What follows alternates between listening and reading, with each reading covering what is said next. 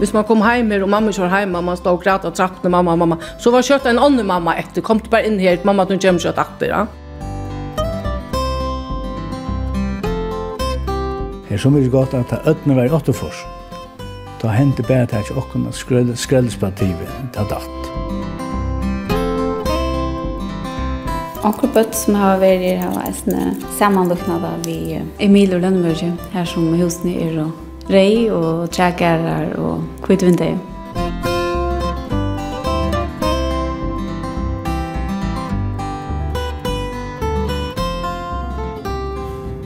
Gåan der, og velkommen vi og Nutsjan Tur. I mister hvordan bygter og bøylingar få navn.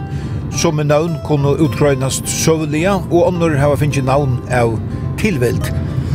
Så da er det vi stedet vidt færre at vitja i det. Det fikk navn tog det mynte folk om akkurat anna som var framme just ta. Er det fyrir lukla løte så gjerne færren ur kringvarpen vi norra ringve i havn og hevur kort ut etter ringvenon og nu jeg så åman etter Torfenskøto og at han og ta brattar og brekkene som er overst i Torfenskøto er det sinte slattare, korstene gonger og brekka om etter, men her nere miskøyes og torfenskøt og drei er til vinstro, ta jeg kom i man etter altså, og her stender oman man ståra gær, 4, 5, her er det seks reihus og hverjar sujo, Hette er altså oman man ståra gær, og tar du kort og sender inn, så er det da skatje, det er en smalre vever som fyr nian ur hesar gøtene. Felags fyrir öll husen her i Bøylingsnån er at uh, de er rei öll og kvitt rundan om vindegene og i halvtid de har öll ljósa grund og det ser ut fyrir mer som uh, de løytjast rattelig nek ved öll.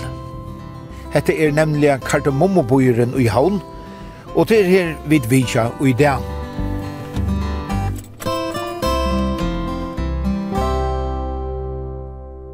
Nu sitter vi vi bor her og man stora ger nummer 6 og det da. Men dette er altså midt i kardemommebyen. Og jeg var Amundsen, du var 20 år gammel da de flyttet her, og så igjen har du haft tilknyttet til kardemommebyen. Men hvor er det da kardemommebyen? Ja, det er nok til at um, akkurat til hundet da det var bygd, da var uh, han her badnarøyen og og jordvarpen, som ødel før jeg fått lort etter, kardemommebyen som Einar Hansen 24. Men det første navnet som det høyde av hessen bøylengsene, det var nok millionærkvarter, det var så dyr hus da. Husene kostet 135 000. Det var nekker penger da. Seiten av det husene oppe standa. da har onker begynt å kalla det for rabarberkvarter. Tog jeg husene rei og hava grønt tak. Men Karamombor, det ble det navn, og det er eisen det navn som halvvis bygg for gledes for. Altså, høyre spillet, det blir så endelig sendt atter. Og det er som sjånleikar, sjånleikarhusen, og det viste fram karmonbøyren. Men samstundes var eisen en annan karmonbøyren når jeg eier.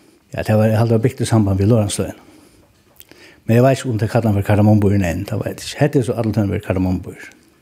Jeg vet ikke om man mynte sånn jeg om karmonbøyren, men her var alle husene var løyka, og følt flott inn her på en det var løyka som et kvarter for seg selv, på samme som karmonbøyren. Vi hadde gått noen ikke noen dalkar her, og halvt ikke. Og helt jeg hette unga, Sofie Moster, men alt anna vær som det var. Og ikke vær politimeister, men onker kan skal være luten med enn hin, som bor i Ebeint. Så tid er du glad for det navnet? Ja, det er alt, vi er glad for det navnet. Så er det bøylingren det og til. Det er ikke noe negativt, vi tog aldri mer på positivt, det er lei. Men det er ikke adressan? Nei, adressan om man står her, og det er ikke mer av at Hesen bøylingren er bygd til utanfor Storager, eller om man forstår En lavet av stora gär er bare nye för de husene som stod hinna av vägen. Hinna väveren i Karamumboen er ett skvatt som gånger nere ett. Det är en smallare vever, Men man minns det, dette var byggt først och trus nu. Och skvatten är ungar gångerbrett. Men det er det som om man stora. Så det är äkla smallare vever. Men eh, alltså här är öll husen rej och, och till og så ikke utløpt at Lujas rettelig enn jeg. Var det en utstikking for seg? Ja, det var en utstikking. Det var um, byggefellet Damberg og, og Johansen. Damberg Johansen tar på Strand Damberg og Paul Johansen tar på Sistnabød. Anna Strand var tempemauer og Paul han var murare. Tar uh, løtt så sammen. Vi tvei og trus, alt det var. Og så en av oss så kjøpte tar seg trønna sammen vi Leivre Lutzen, sagføreren. Høtte jeg meint her, høtte tar det tvær tringar og lærer en tring, så stikker der det ut, da fikk Kristoffer Kristoffersen å tekna, og det var så, man kan ikke si snihus beinleis, men tekningen var eins. Husene nedenfor veien, de har ena tekning, og hese hesmen av veien har en æra tekning. Så et slags snihus kan man kalla det. Og der stikker så det her ut, og bygde hese husene da første trus nå. Vi flott inn første fyrir trus, nøkret den første. Jeg minns vel at um, Damber Johansson, det hadde en verste spikning i vi strand, og at du parkeringsplassen som beint innanfor Esfaldskjer. Altså, det er beint heima for det som heter Haugrum i det, det er parkeringsplassen. Men uh, her kom det å være eldre så det er brann og grunn. Men at hos stikken hadde eisen åpna tjall. Så tar jeg tog inn, og det var ikke noe, man kunne ikke trusht impregnere vi. Men det hadde, jeg minns, jeg var smadrangen, jeg kjekk her ute, jeg hukte. Det hadde jeg størst kjær. Her støtte det som maling går, og det er sånn øyla tunnflådan, det er nesten påstand av tinnere vatten. Kallet det sålignom, minns meg rett.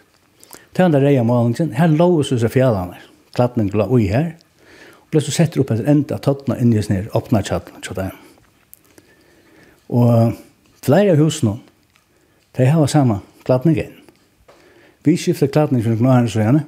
Det var ikke av til at det var så øyla ytla råte, det var øyla årsøkken. Og det var øyla lydet som var råd, det må sies. Så det var helt vel. Og husene er framvis ødel rei. Hva skulle det være? Det skulle det ikke være, men ødel er rei. Man har jo sagt at verden ser tuttur at det så lenge som Strand og Paul levde. Men jeg har ikke sett han ser tuttur. Men ødel husene er rei, ødel har grønt tak. Men han oppronade igjen, blåa grunden, ljósa blåa grunden. Hon, han liten släppt, ongen hade etter.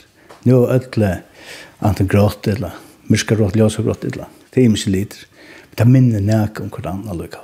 Men glatningen reier, vinteren er kvitt, og det er ikke grønt.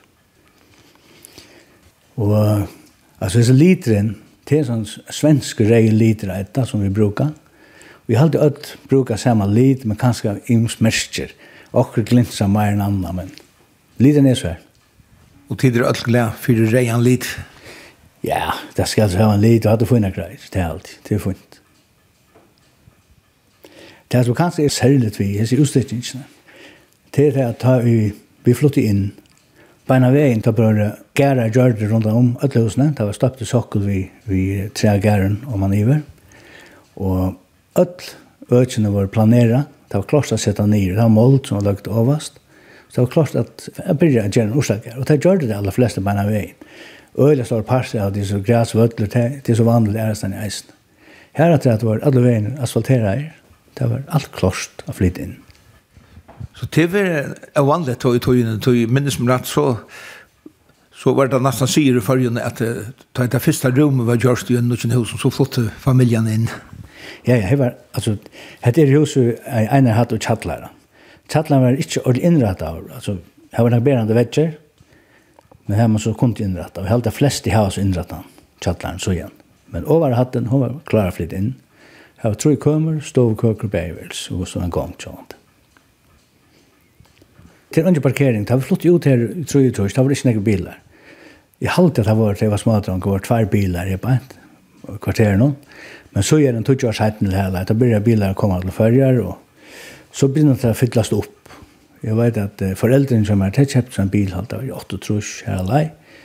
Papen gjør seg parkeringsplass inni og inni og grunnløsene, men han var så røtjen at han brukte gæren, han breit betongen nyer, brukte den gamla gæren, og kors og papp som han maler grått, under gæren brukte jeg som poster. Så da bilen kom inn på postlet, at det så det ut som gæren var. Det er så en løs man kan gjøre, men det har vi så ikke valgt. det er økt en parkering så ikke sjåken, så vi får flere biler inn. Men gæren han er til sin nyer. Og det er flere grannar har gjort det. Jeg har hva seg, så standard da nå när bilar og det vem. Det er ju bara her til. Det er vi tar från skötna som väver nya til. Og han har fått til bilen av Vestar så ju så. Det er vanligt, det är bara här. Är det sånn bojen så at han biler som det vem. Det er fem år sedan så han folk började flytta in här bara så selv om det er skiftet ut. Det er som mye at han folk til dømes for eldre som er det var tilkommet at det flyttet ut og han var helt ung. Så til skiftet ut till øyla få som som byggva enn som opprona. Her bor alla tøyina. Og det er bare eitt pær halde som hever, eller tvei pør som hever bo alla tøyina og byggva her enn. Anna pær i tøyver i nord, det blir så til fyra til. Ikke byggva heima kja seg sjolv, men onke bor heima kja seg sjolv. Det er så nudj atterlig komin til fremmanfakt, men til eisne bøten som er oppvaksen her, som har ivetid kjolsen fra foreldre nå. Til bæge, vi tar vi og grannen har vi og til ærestan i eisne. Så folk trivast vel. Men som, som i husen er selv flere før. Og det er godt på den måten at vi får unge familier, vi får bøten atter. Og er det her omkvar vi er på en. En ivgang var det nok så dettelig til bøten. Alt var blitt stor. Men vi får lov at og er til fina greier. Så her er det framme i Skotta Byggva? Her er Skotta Byggva, her er vev godt, utrolig vev godt. Og her er stått om man bøyen, man kan genka om man bøyen som vil. Det er fem minutter å genka. Og det er ikke kjærlig bra til lagt å genka nye når jeg er heimat. Jo, her, her er godt å være. Jeg har aldri trøyvast vel. Vi trøyvast så mye vel, altså at um, her fire det er flott ut at uh, tog jeg skal ut under konga være. Men vi ombygde stoven og køkken. Og her var det så cirka et halvt år.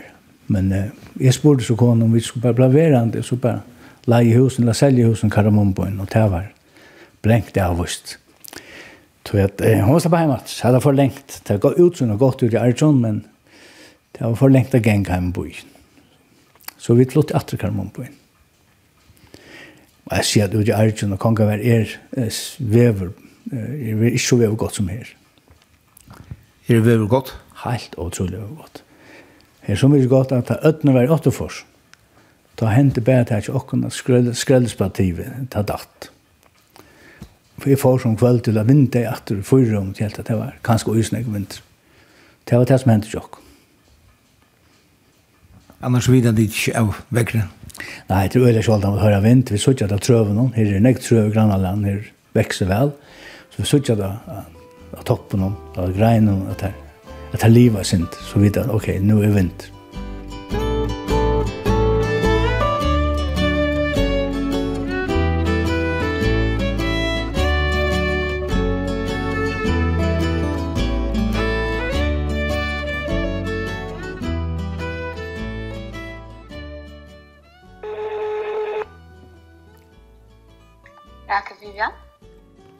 Gåan dag. Gåan dag. Torur Mikkelsen. Jeg tog nekka tog til klipping. Jo, Lært meg suttja. Mm. Er du fleksibel, Torur? Jeg er øyla fleksibel, ja. Ja. Jeg halte da, jeg har vi en av klokkan, klokkan 8, lykke til her? Ja. Ja. Det er ikke vel. Hva ser vi? Ja, så er jeg her. Meraki Pure Hair by Vivian.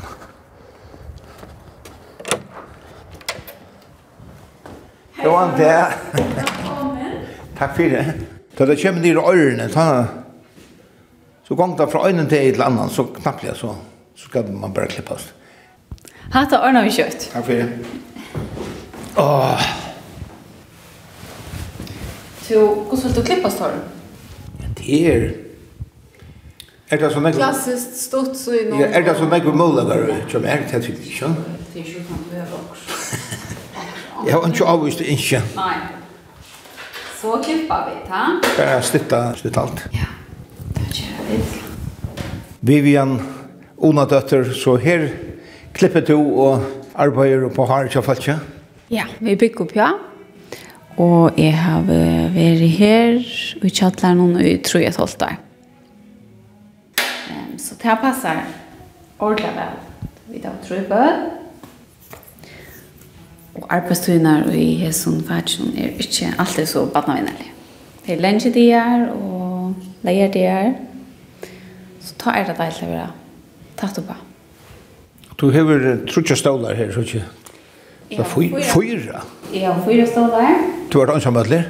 Jeg klipper ansam og vi kvarst har vi en at hjelpa meg för det mesta är det deilig roligt her.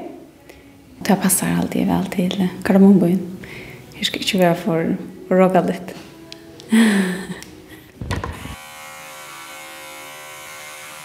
Meraki etter klippestående kjallar. Kan man ikke det? Ja. Meraki er ur griskon. Så vi er da lust og imskan hatt. Men um, det har vært brukt i moderne Iver ordna om det som henter, ta ut til å slippe å gjøre akkur som du tøymer, og som du damer, og som du kanskje har evne til. Det er gode som henter da. Og til det som henter her i kjallaren? Vånande kunne vi skjuta folk som kommer, mest jeg synes at det er min vån. Ja, så har du ikke vært av at det skjer det? Ja. Jo, vi har alltid rett eller lei.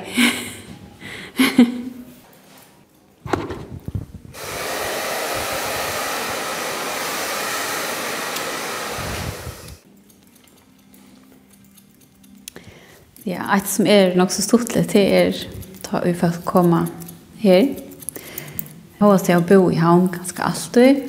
Så vidt at det ikke er hver kardemonborgen er. Det er ganske hårst om det, men, men har omgang du vita hva det er reidige, og om det verger. Så det er som stort litt alltid. Det ligger midt i byen, og det har fjallet. Som vi sier eisne at uh, det som har kommet et skritt ur byen og ur resten av hva som man er midt i ødlån. Så det har vi mange ganger snakket om at det er stort litt at det har vært varvait enda bøylingen, reian og særlian. Og til det kom her, så skiljer deg på i dag øyder kardemombøyren. Ja, så brattelig så, så hongra alt sammen. så ja, det er ordentlig så slitt. Anker bøtt som har vært i vært var eisne samanluknada vi Lønneberg. Emil og Lønneberg, her som husene er og rei og trækærer og kvitt vindeie. Så jeg halte det stått litt at at nekka av det gamla er, er etter. Og her var tid, altså, nekka tilknøyde til kardemommebyen? Ja. Mæren som er er herfra. Det vil si at omman og appen til mannen bo her. Og svigerforeldrene og svigerindan som er. Vi bygger ødel her. Ja.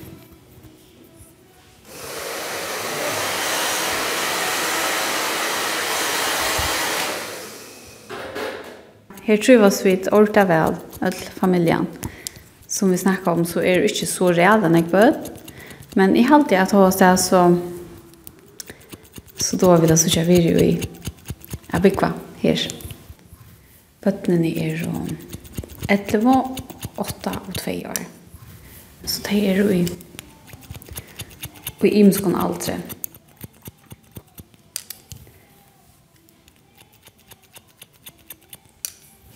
Her er andre bøtten av, av en og nesten, og hvis det ikke er så nek, så halte jeg at det det er da vel at, at hun har seg sammen, så som ødelig ikke er jankommen.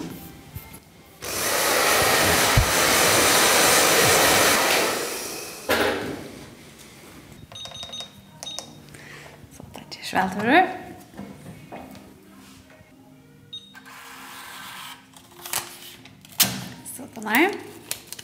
Heldig det danser til jøler nå? Jeg vil tenke sånn, men jeg vant til å stave En oppfriskende år. Takk for det. Sjølver takk.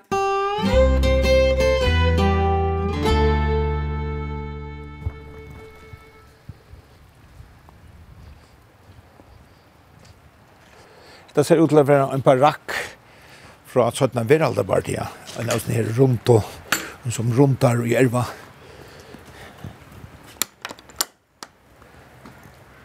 Og her bor en uh, kjente kjentemauer som var kjentur i Havnangøt, eller er kjentur i Havnangøt, og ganske særlig for noen år og siden.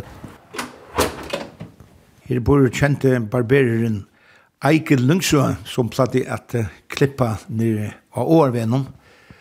Så Eikel, her bor du, og i Kardemombøyden. I Kardemombøyden, ja. Det har vi bo så en 25. Fest, fest ned, og, og man står der, gav, og vi, vi leger frøken Rosenberg.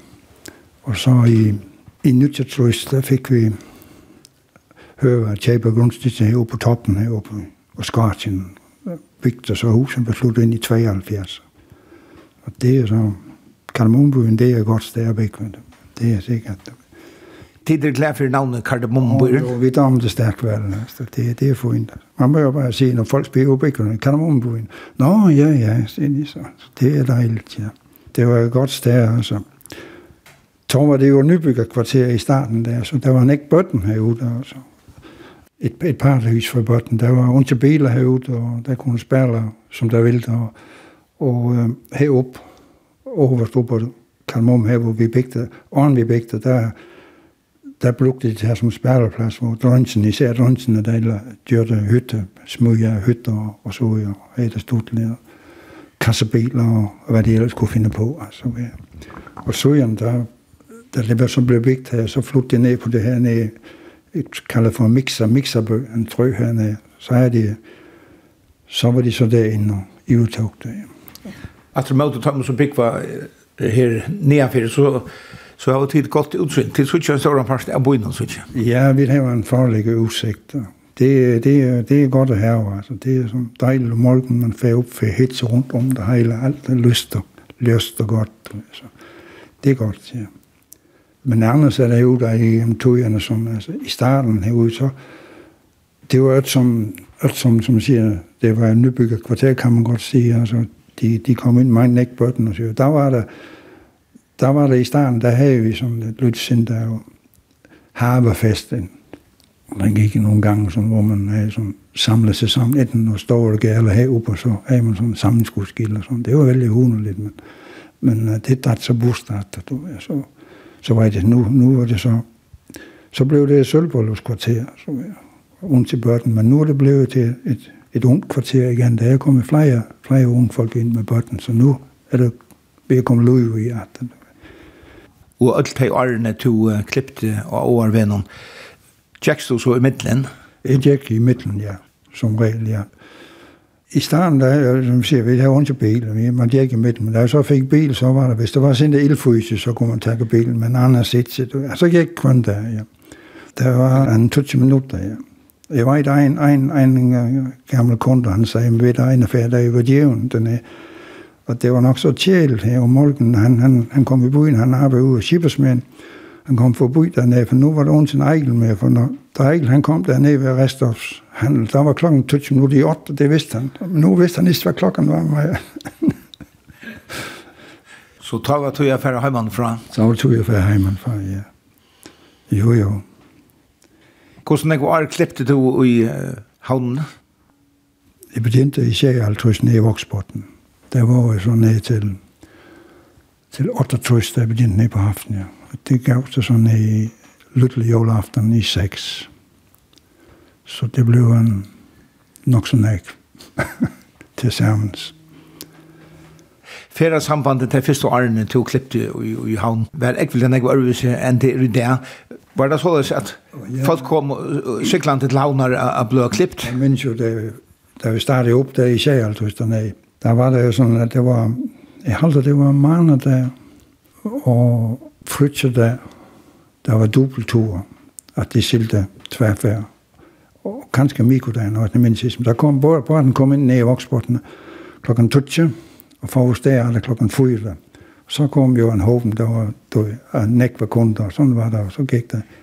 Og det, det var så langt inntil. Så da så øh, vi fikk øh, ved, ved i, i i, i døkken som man kunne køje, så blev det meget jævnt fordelt sådan, med, med kunderne. Nu kunne det komme alt tog, altså, men, men i, i kom der, og der var det stort, så kom det, når klokken var tutse, så kom det. Og... Var det mjölkabatren som ja. kom av, av Skalafjøren og, ja, ja. og Sondalanden? Ja, og ta, ja. Det var det, ja. Det var, nekma stort litt.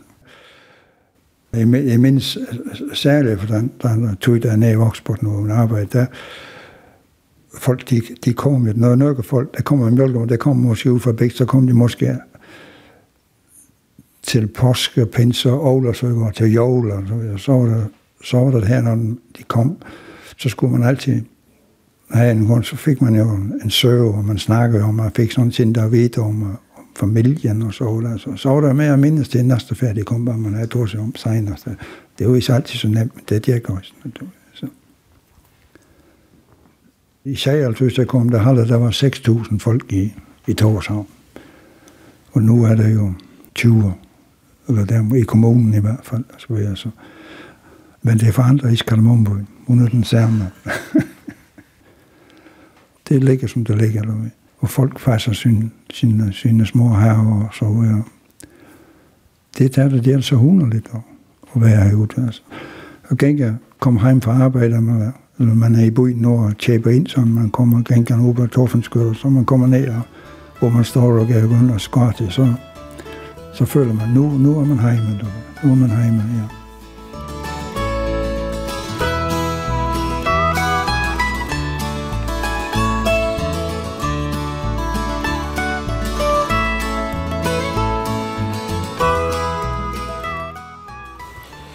Mellan mor bor her om man står og er nødtjå. Hun bor her fra tog hun var som han kjente. Og for noen år siden kjøpte hun og Mauren Jekvann Badnaheime. Og nå bor her mor, pape Melna, og kjattler noen, han er 45 år gammel. Og bæg Ataline, bæg Herri og Mellan, her var også noen gode minner her. Her Kardamompun, her var bøttenen høyt du som han nevnt uh, nämnden hun er at KMB. og det er inte en bok, eisen, hun, hun er nok upptja Gunnar Brauer. Och här funnet fra frågring skriva ui, og, og, og henne kan goa mynter i eisen tog at uh, vi spalte sjånleik, like her under chatlan sjokkon her her var en sån teatersaler Hans Paule, sånn i Ekan Sundstein, som var blinder, han vaks opp eisen i Kardamumbo i noen, og han var en sånn primus motor her. Uh, han skriva i like, Og så sette det like opp her i kjattlaren til okken, og, og foreldrene og alle grannene her, de vaksne, de så det den under her og betalte for jeg kom inn. Det var form av det hele. Hette var en synder ta elukka som var ferdig, Jeg synte om han bojen og spalte hjemme, og uh, Gunnar var nok form av uisen her uh, fellene, ja. Men eh, nevnte skiftes det utvik først. Ja, ja. Og det var nevnt derfor under det hele. Nei, det var godt å vekse opp i Kardamombøen, det var nekk på. Helt sikkert. Ja. Og de voksne, de tog vel å kjipa fire i muskelen. Vi var utfer, vi var uh, kyrkjøpø, nei, uh, Kjøtnevøk, leie av husene her, uh, tja, spærkassan, noen temnes det vel. Og vi tødde rottingar der. Det kan pappa kanskje komme inn av at jeg vet at, at de hadde eisen han nevnt. Og her er en gjerra på uh, pappa. Her mor, tid hatt å kjipa i vi her i bøylingen. Du kallte meg moen? Ja. Arne Nusjandro og Furutrys tøy, vi flott ut her. Ta vær hettar en stor trø. En stor og øla vøger trø, og ikke gråd, eller regn trø, men så var det en bitjefela, som var Danberg Jonsson. Ta kjepte trønna. Alla trønna som vi er. Alla ta høydes planen å gjøre et nytt kvarter her i byen. og Dette var, var sin utenfor byen da. Og samtidig så fikk jeg at øyla størst arbeid oppe i Mjørskadelle, eller en autobitjaruin her oppe. Vil annars skulle det levere flætje, flæt til det huset som det store huset som skulle bytja der oppe. Det skulle være flættak, at det var kruks ombord, det skulle være velkamplera, så at det ikke så der fra luften av. Ja. Ta tog og skåre alt lærte av trønner. Og det ble så korsen igjen her. Og det var ikke her oppe som det var litt enn Det var trøyen her. Men eh, det er her bare Damper Jonsson, der så vi ikke det en borster. Der sette øyne fjerde og at det heter sånn det bytjas så å si alt i egnen.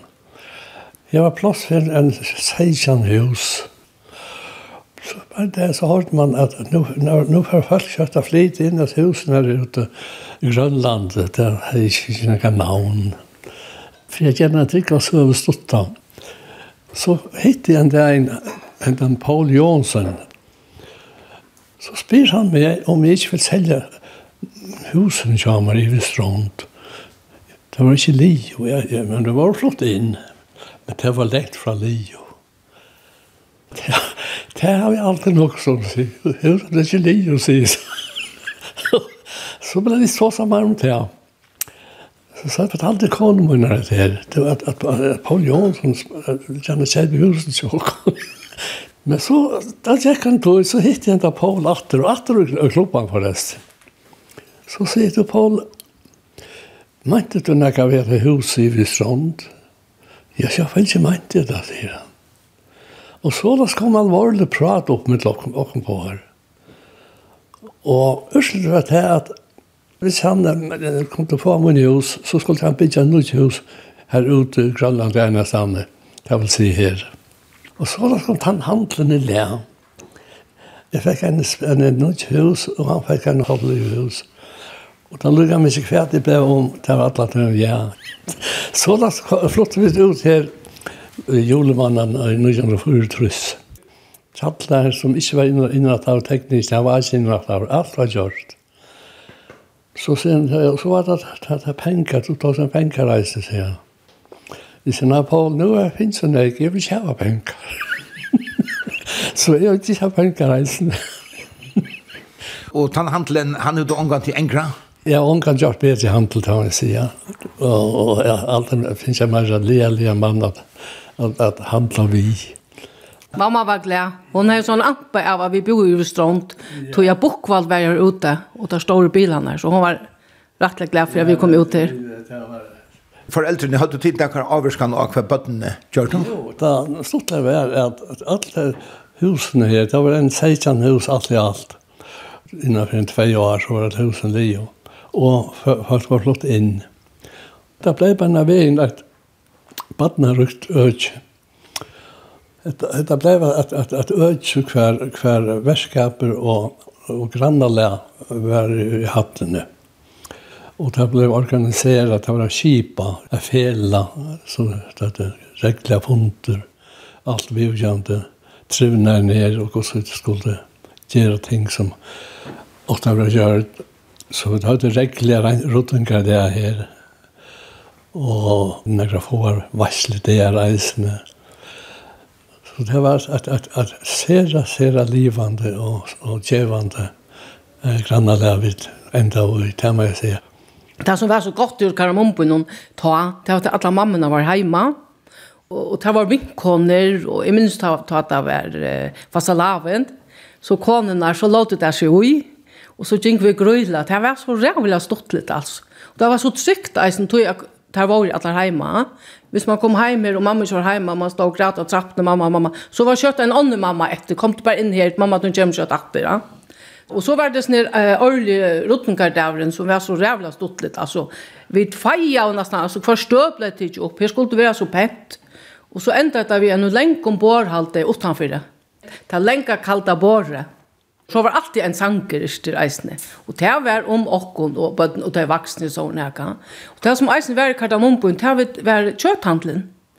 Og hva sier oppe var kjøtthandelen, det var godsen. Jeg hadde her, er bø, pappa. Ja, fra bø. Ja. Det var kjøtthandelen, så her var en handel eisene. Og så var det oppe i skak, her Lydia, her blir begynte hun synner i frisørsalong. Så her var eisen, så det hendte nekve på et. Ja. Det var konga vi kjønn eisen. Ta er arrangera konar eisne vi skulle pynta her vi søljon atla stedene, ta ta var smatranger. Og ta finka gav fråga. Ja. Ta var der der var samt andre kronprinser. Ja. Ta finka kursen barbat fråk. Og jeg minner selv som baden at jeg helt det var nok så fint at, at Bikvi kart av mumbun og tog at uh, da fikk man eisne vite her bor bare stjårer og, og, og, og, skyparer og, ja, og, og vi tøtt løkman eisne. Her var det veldig fint, fikk man vite. Det er passant at bøndene var det sentrale. Helt obevust. Det var ikke gjørst. Det var bare så. Mest det tar oss emellan? Ja, ja, ja. Det er mest, mest vel sammanhalte vi tar vaksne. Og tog hatt vi bøttene eh, sammanhalte. Og jeg husker nå, vi klandra oss ikke. Vi klant, vi var så gode vi kvann annan her. Og vi tøtte okkara fotbollsli.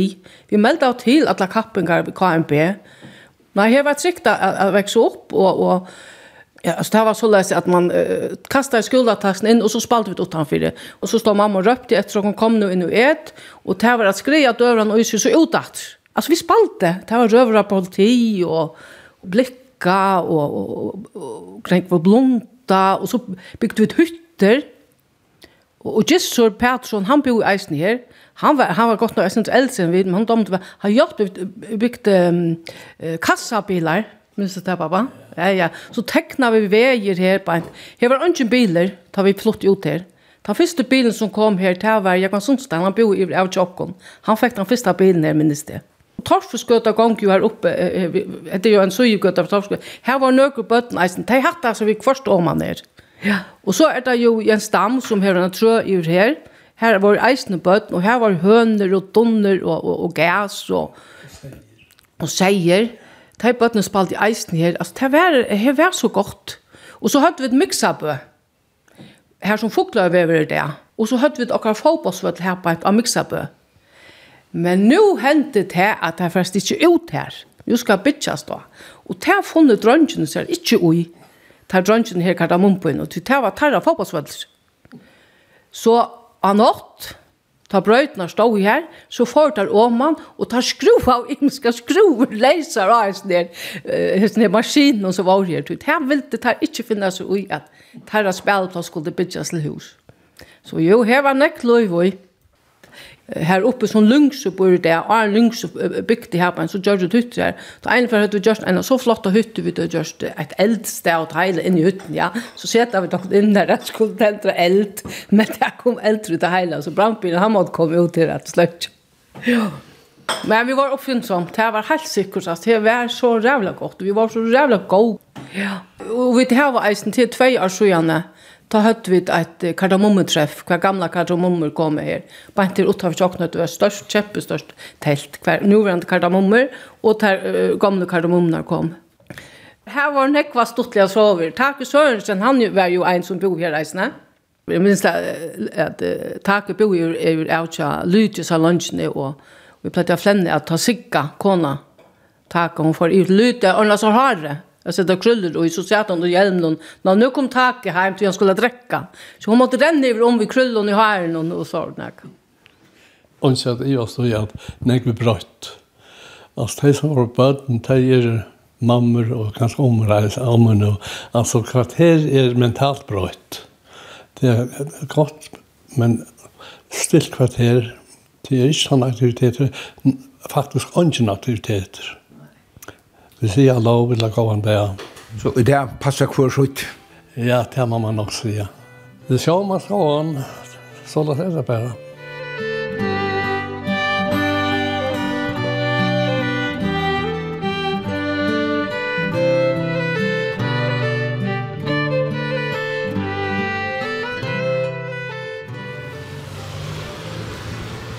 Her vinstrumegen og hatt noen inn til Kardemommobøyen, er en blå hus, hinn er öll rundt om her, innanfor teir er öll rei, men her sier blå, og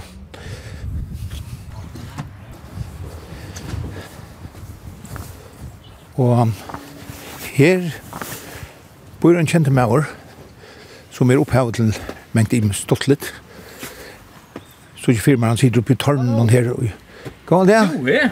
Ja. Jo. Er det vel ut? Ja, sånn er det. Jeg synes det. Har vi tog til å lytte prat? Ja, ja, ja. Det er nøy klipp du reist. Kom ni runt, vi kom färdig i laboratoriet. Du... Mauro gott laboratoriet. Alltså, hette är alltså Jakob Veje som just akkurat nu i hesen døven Øysne ger nutja pastor av Maurogøtu. Jeg måtte sagt at jeg her har hatt noen inn til Maurogøtu, men det er altså hatt noen inn og i Kardemommobyen, og all henne husen er rei her, av bauen så jo, men det er blått, Jakob. Altså, er du pastor av Kardemommobyen? Eh, bär ju lite det är det här är kan man säga viten och utan för kan man men nej håll det inte det. Så sagt att husen är är eins och det här hus eh mer vid det är det byggt i 1900 och 8 trusch att Moberg byggde ganska sin rätt nu.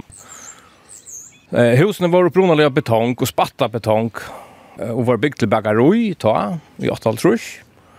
Eh men det blev det onkat hur.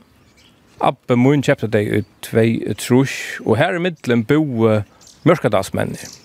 Och Abbe Abbe Jakob Veie. Ja, eh ja ja Jake, Jake Veie, så han var han var voppenker. Eh han var en kemiske sivilingeniører. Han, han pladde si at han var han første første kemiske sivilingeniøren, han får nok eisne blod at han første komiske senilingeniøren. Det halde eisne han blei. Um, jeg minnes det, han skulle alltid spyrja meg, da jeg fylte. nu, hvordan gammel er du nu? Hvordan gammel er du nu? Det var kvar for så fikk jeg en halv trusk, han sier. Og så tar jeg fylte i fyrstan så, så, så kom han inn og så säger han, kvörs du? så tar jag över han vare enten seniler eller kossor så är det inte ordentligt hesa altså. Eh, han han var en drömmare Eisne och och fick sig laboratorium Chatland så det som är minne så så var det laboratorium laboratorium och och svap luktade i Chatland han han sålde svap och försäljt. Så han körde kanningar här. Ja. Så alltså bagerier blev alltså kemiskt laboratorium. ja ja, nettopp ja. Och nu är det alltså Morgoth laboratorium. Ja ja ja ja. Vad heter du här annars? i laboratoriet Nej, vi fer ned rundt den. Ja, ja, ja. Jag vill gå för in i det sista. Allt, ups, ups. Jag visste bara ikke at du får komme nå, så det her er, här her var laboratoriet. Jag vet inte om jag har några etter, jeg har stått. Men jag har så bygd av omkjående. Det er oppe anta just, Läs inte rätt nå. Nej, åren til jeg alltid. Sista mun. gjør det en uibo her, så hon rotet i laboratoriet ute sønner, tror. Ja. Og så funnet jeg nekva krukker vi stuttelig om vesken og Og så sier hun, ja, så kortet jeg alltid en, en papperskje for om man apotek. Og så satt jeg her nere, det tok ikke måte bare for bostekast. Og så det heter fra, fra jag og veie. Å ja, kom inn, vet du, endelig. men men jeg, jeg, jeg halte på min sier at, at at Abbe onknar seg, han har gift nok til at sletta alle havnene ut hvis det skulle være. Ikke det var kjellig og men altså, jeg husker at det var han har finnit utgång till det. Alltså, du säger han säljde Sampo, men alltså, kvar var det för laboratoriet kan inte han göra det? Här är sin svärskiltig.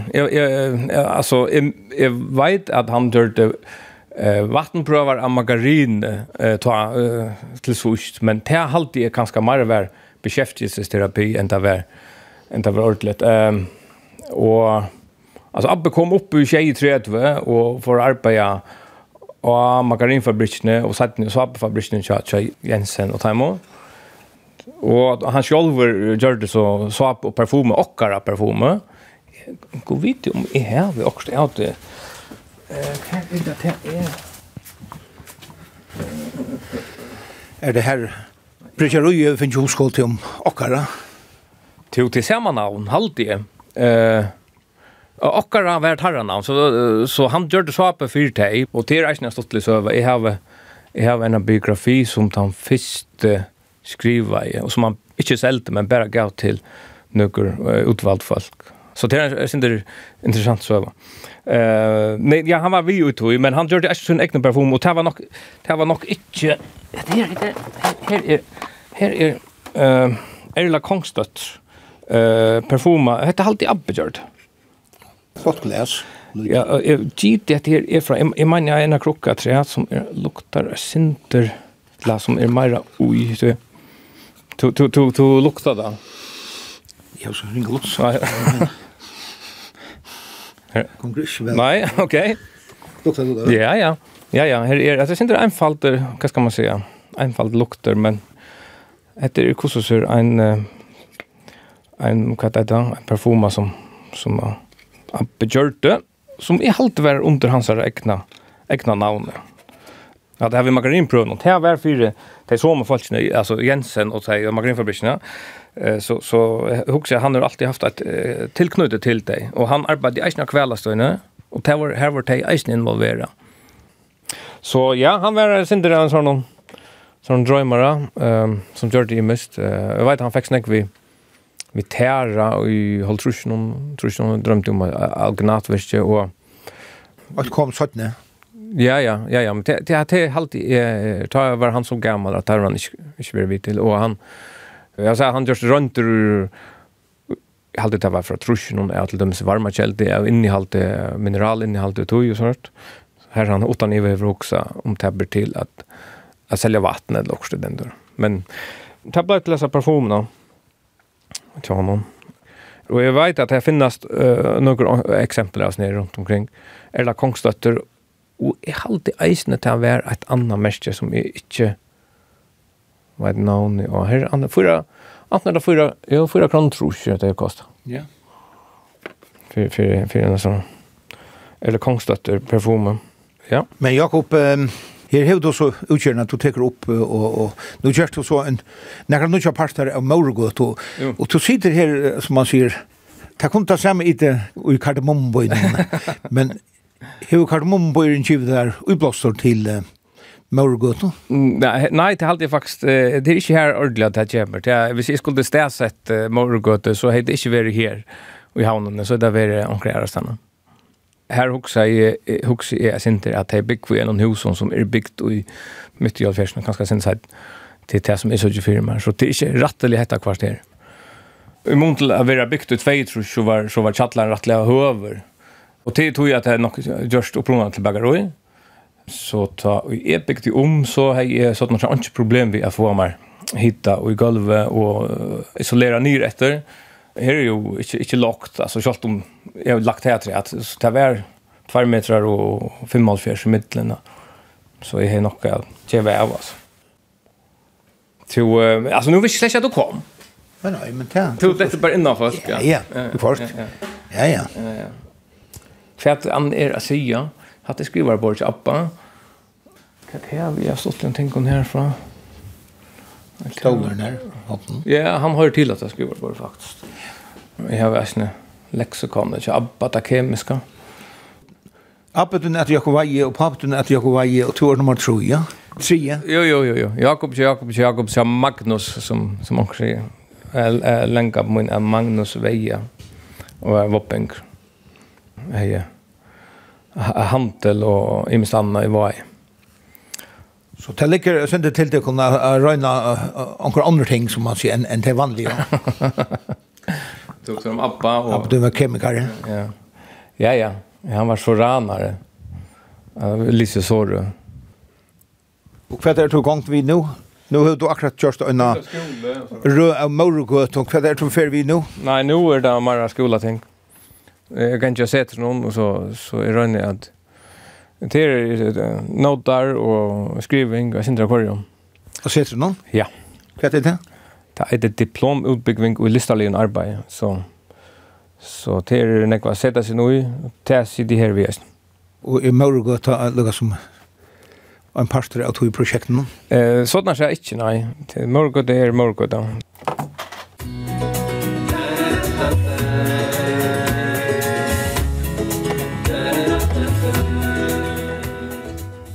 Hva er det? Er det så ljøst? Er jeg kommet noe himmel og ikke? Eller hva er dette? Vikareren leie seg av gulvet bant innanfyr dittnar. Konan i grønnen fikk eia av vikaren. Ja, det er så ikke. Dette ser alvorlig ut. Ja, men det er det som vi sier. Vi må ha en lakna. Nei, Nei, at her får det ikke. Viter ser kunne sjukken her, og, og jeg kan stafesta beina min at de får onkan lakna. Onkan lakna? Det er nek for alvorlig til en almindelig lakna. Vi må ha en ive lakna. Wow! Hyggelig.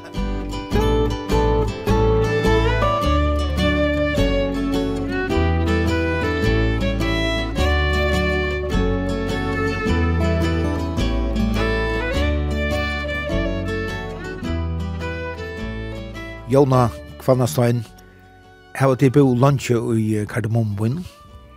Vi har bo her i Sintra ivi tvei år. Vi flyttet inn i Asomre 2016. Ja. Vi kjøpte husene i desember 2015, og så gjorde vi det i stand, og flyttet så inn i Asomre 2016. Ja. Mævren, han er handverskare. Det var alt gjørst at etter arbeidstøy, så det tok sånn at tøy. Ja, og hvordan var det til at tid er kommet i kardemommobojen?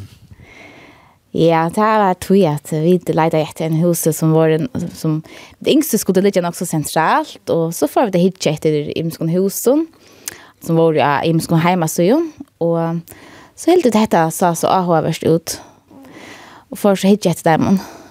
Og jeg halte vidt, vi var skjelt på veien. Ja Eh, er gitt te er en av de minste husene her i Kardamonbyen, te litt gjerne hedla. Så det er ikke så store chattlare, så vi tilte vi måtte ha en mer plass. Så vi valgte vi da bytja en liten utbyggning av tre til husene. Så det er så kom jeg tre. Ja. Og her er godt å bygge på? Her er ordentlig godt å bygge, på, ja. Det som akkurat damas vel til er at det er tatt om man til bojen, det er ikke lenge vever. Ja Så man får bara trillar om man visst är också här nere.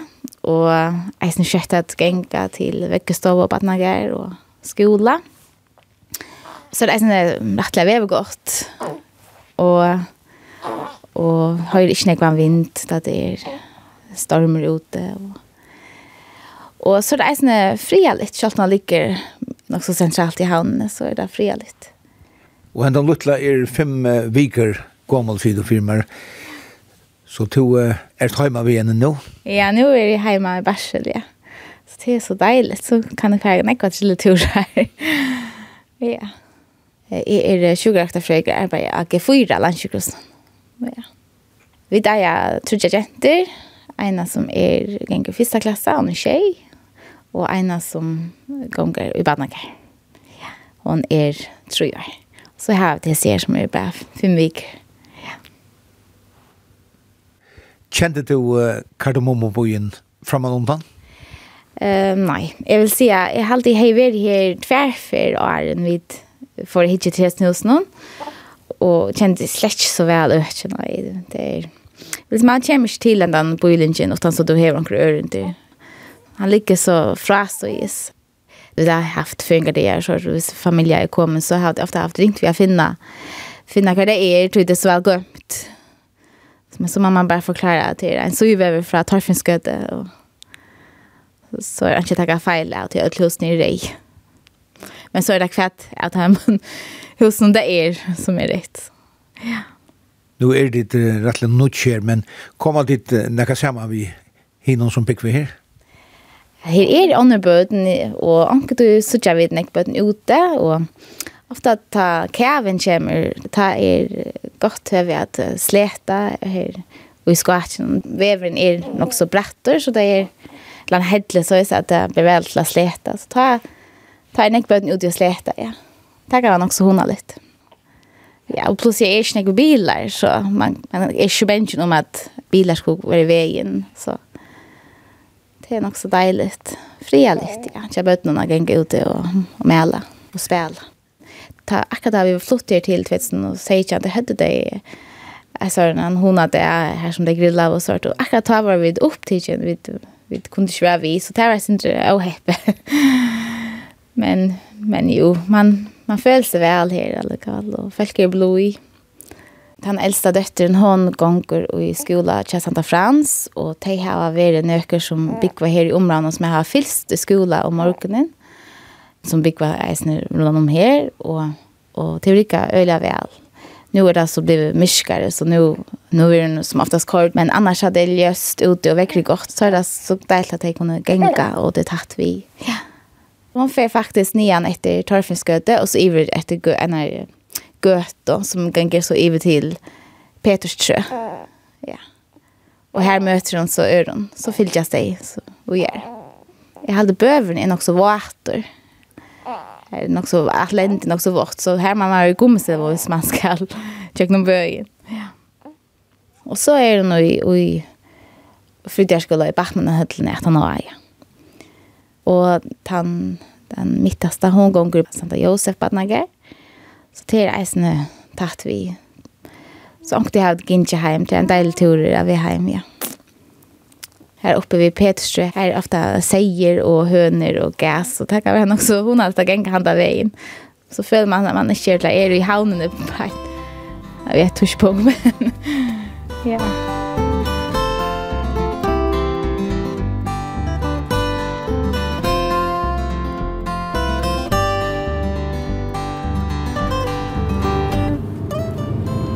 Detta var så kardomomobøyren i havn, og en ørvese bøylingur i høvestanen. Hesen turen er atra tøyra i utvartnum torsdag klokkan 11 og leierdag klokkan 4. Og han er røysen i heimasynet tja kringvartnum skriva kvf.fo framskak tt. Han er røysen som podcast, Og vi tar i Tore hever øsne sujo av Facebook. Du er velkommen at dame henne, så sørst du middelanna mynter fra Heson og Øron Toron. Takk for fylkje og idé. Vi høyrast atter om en vikong.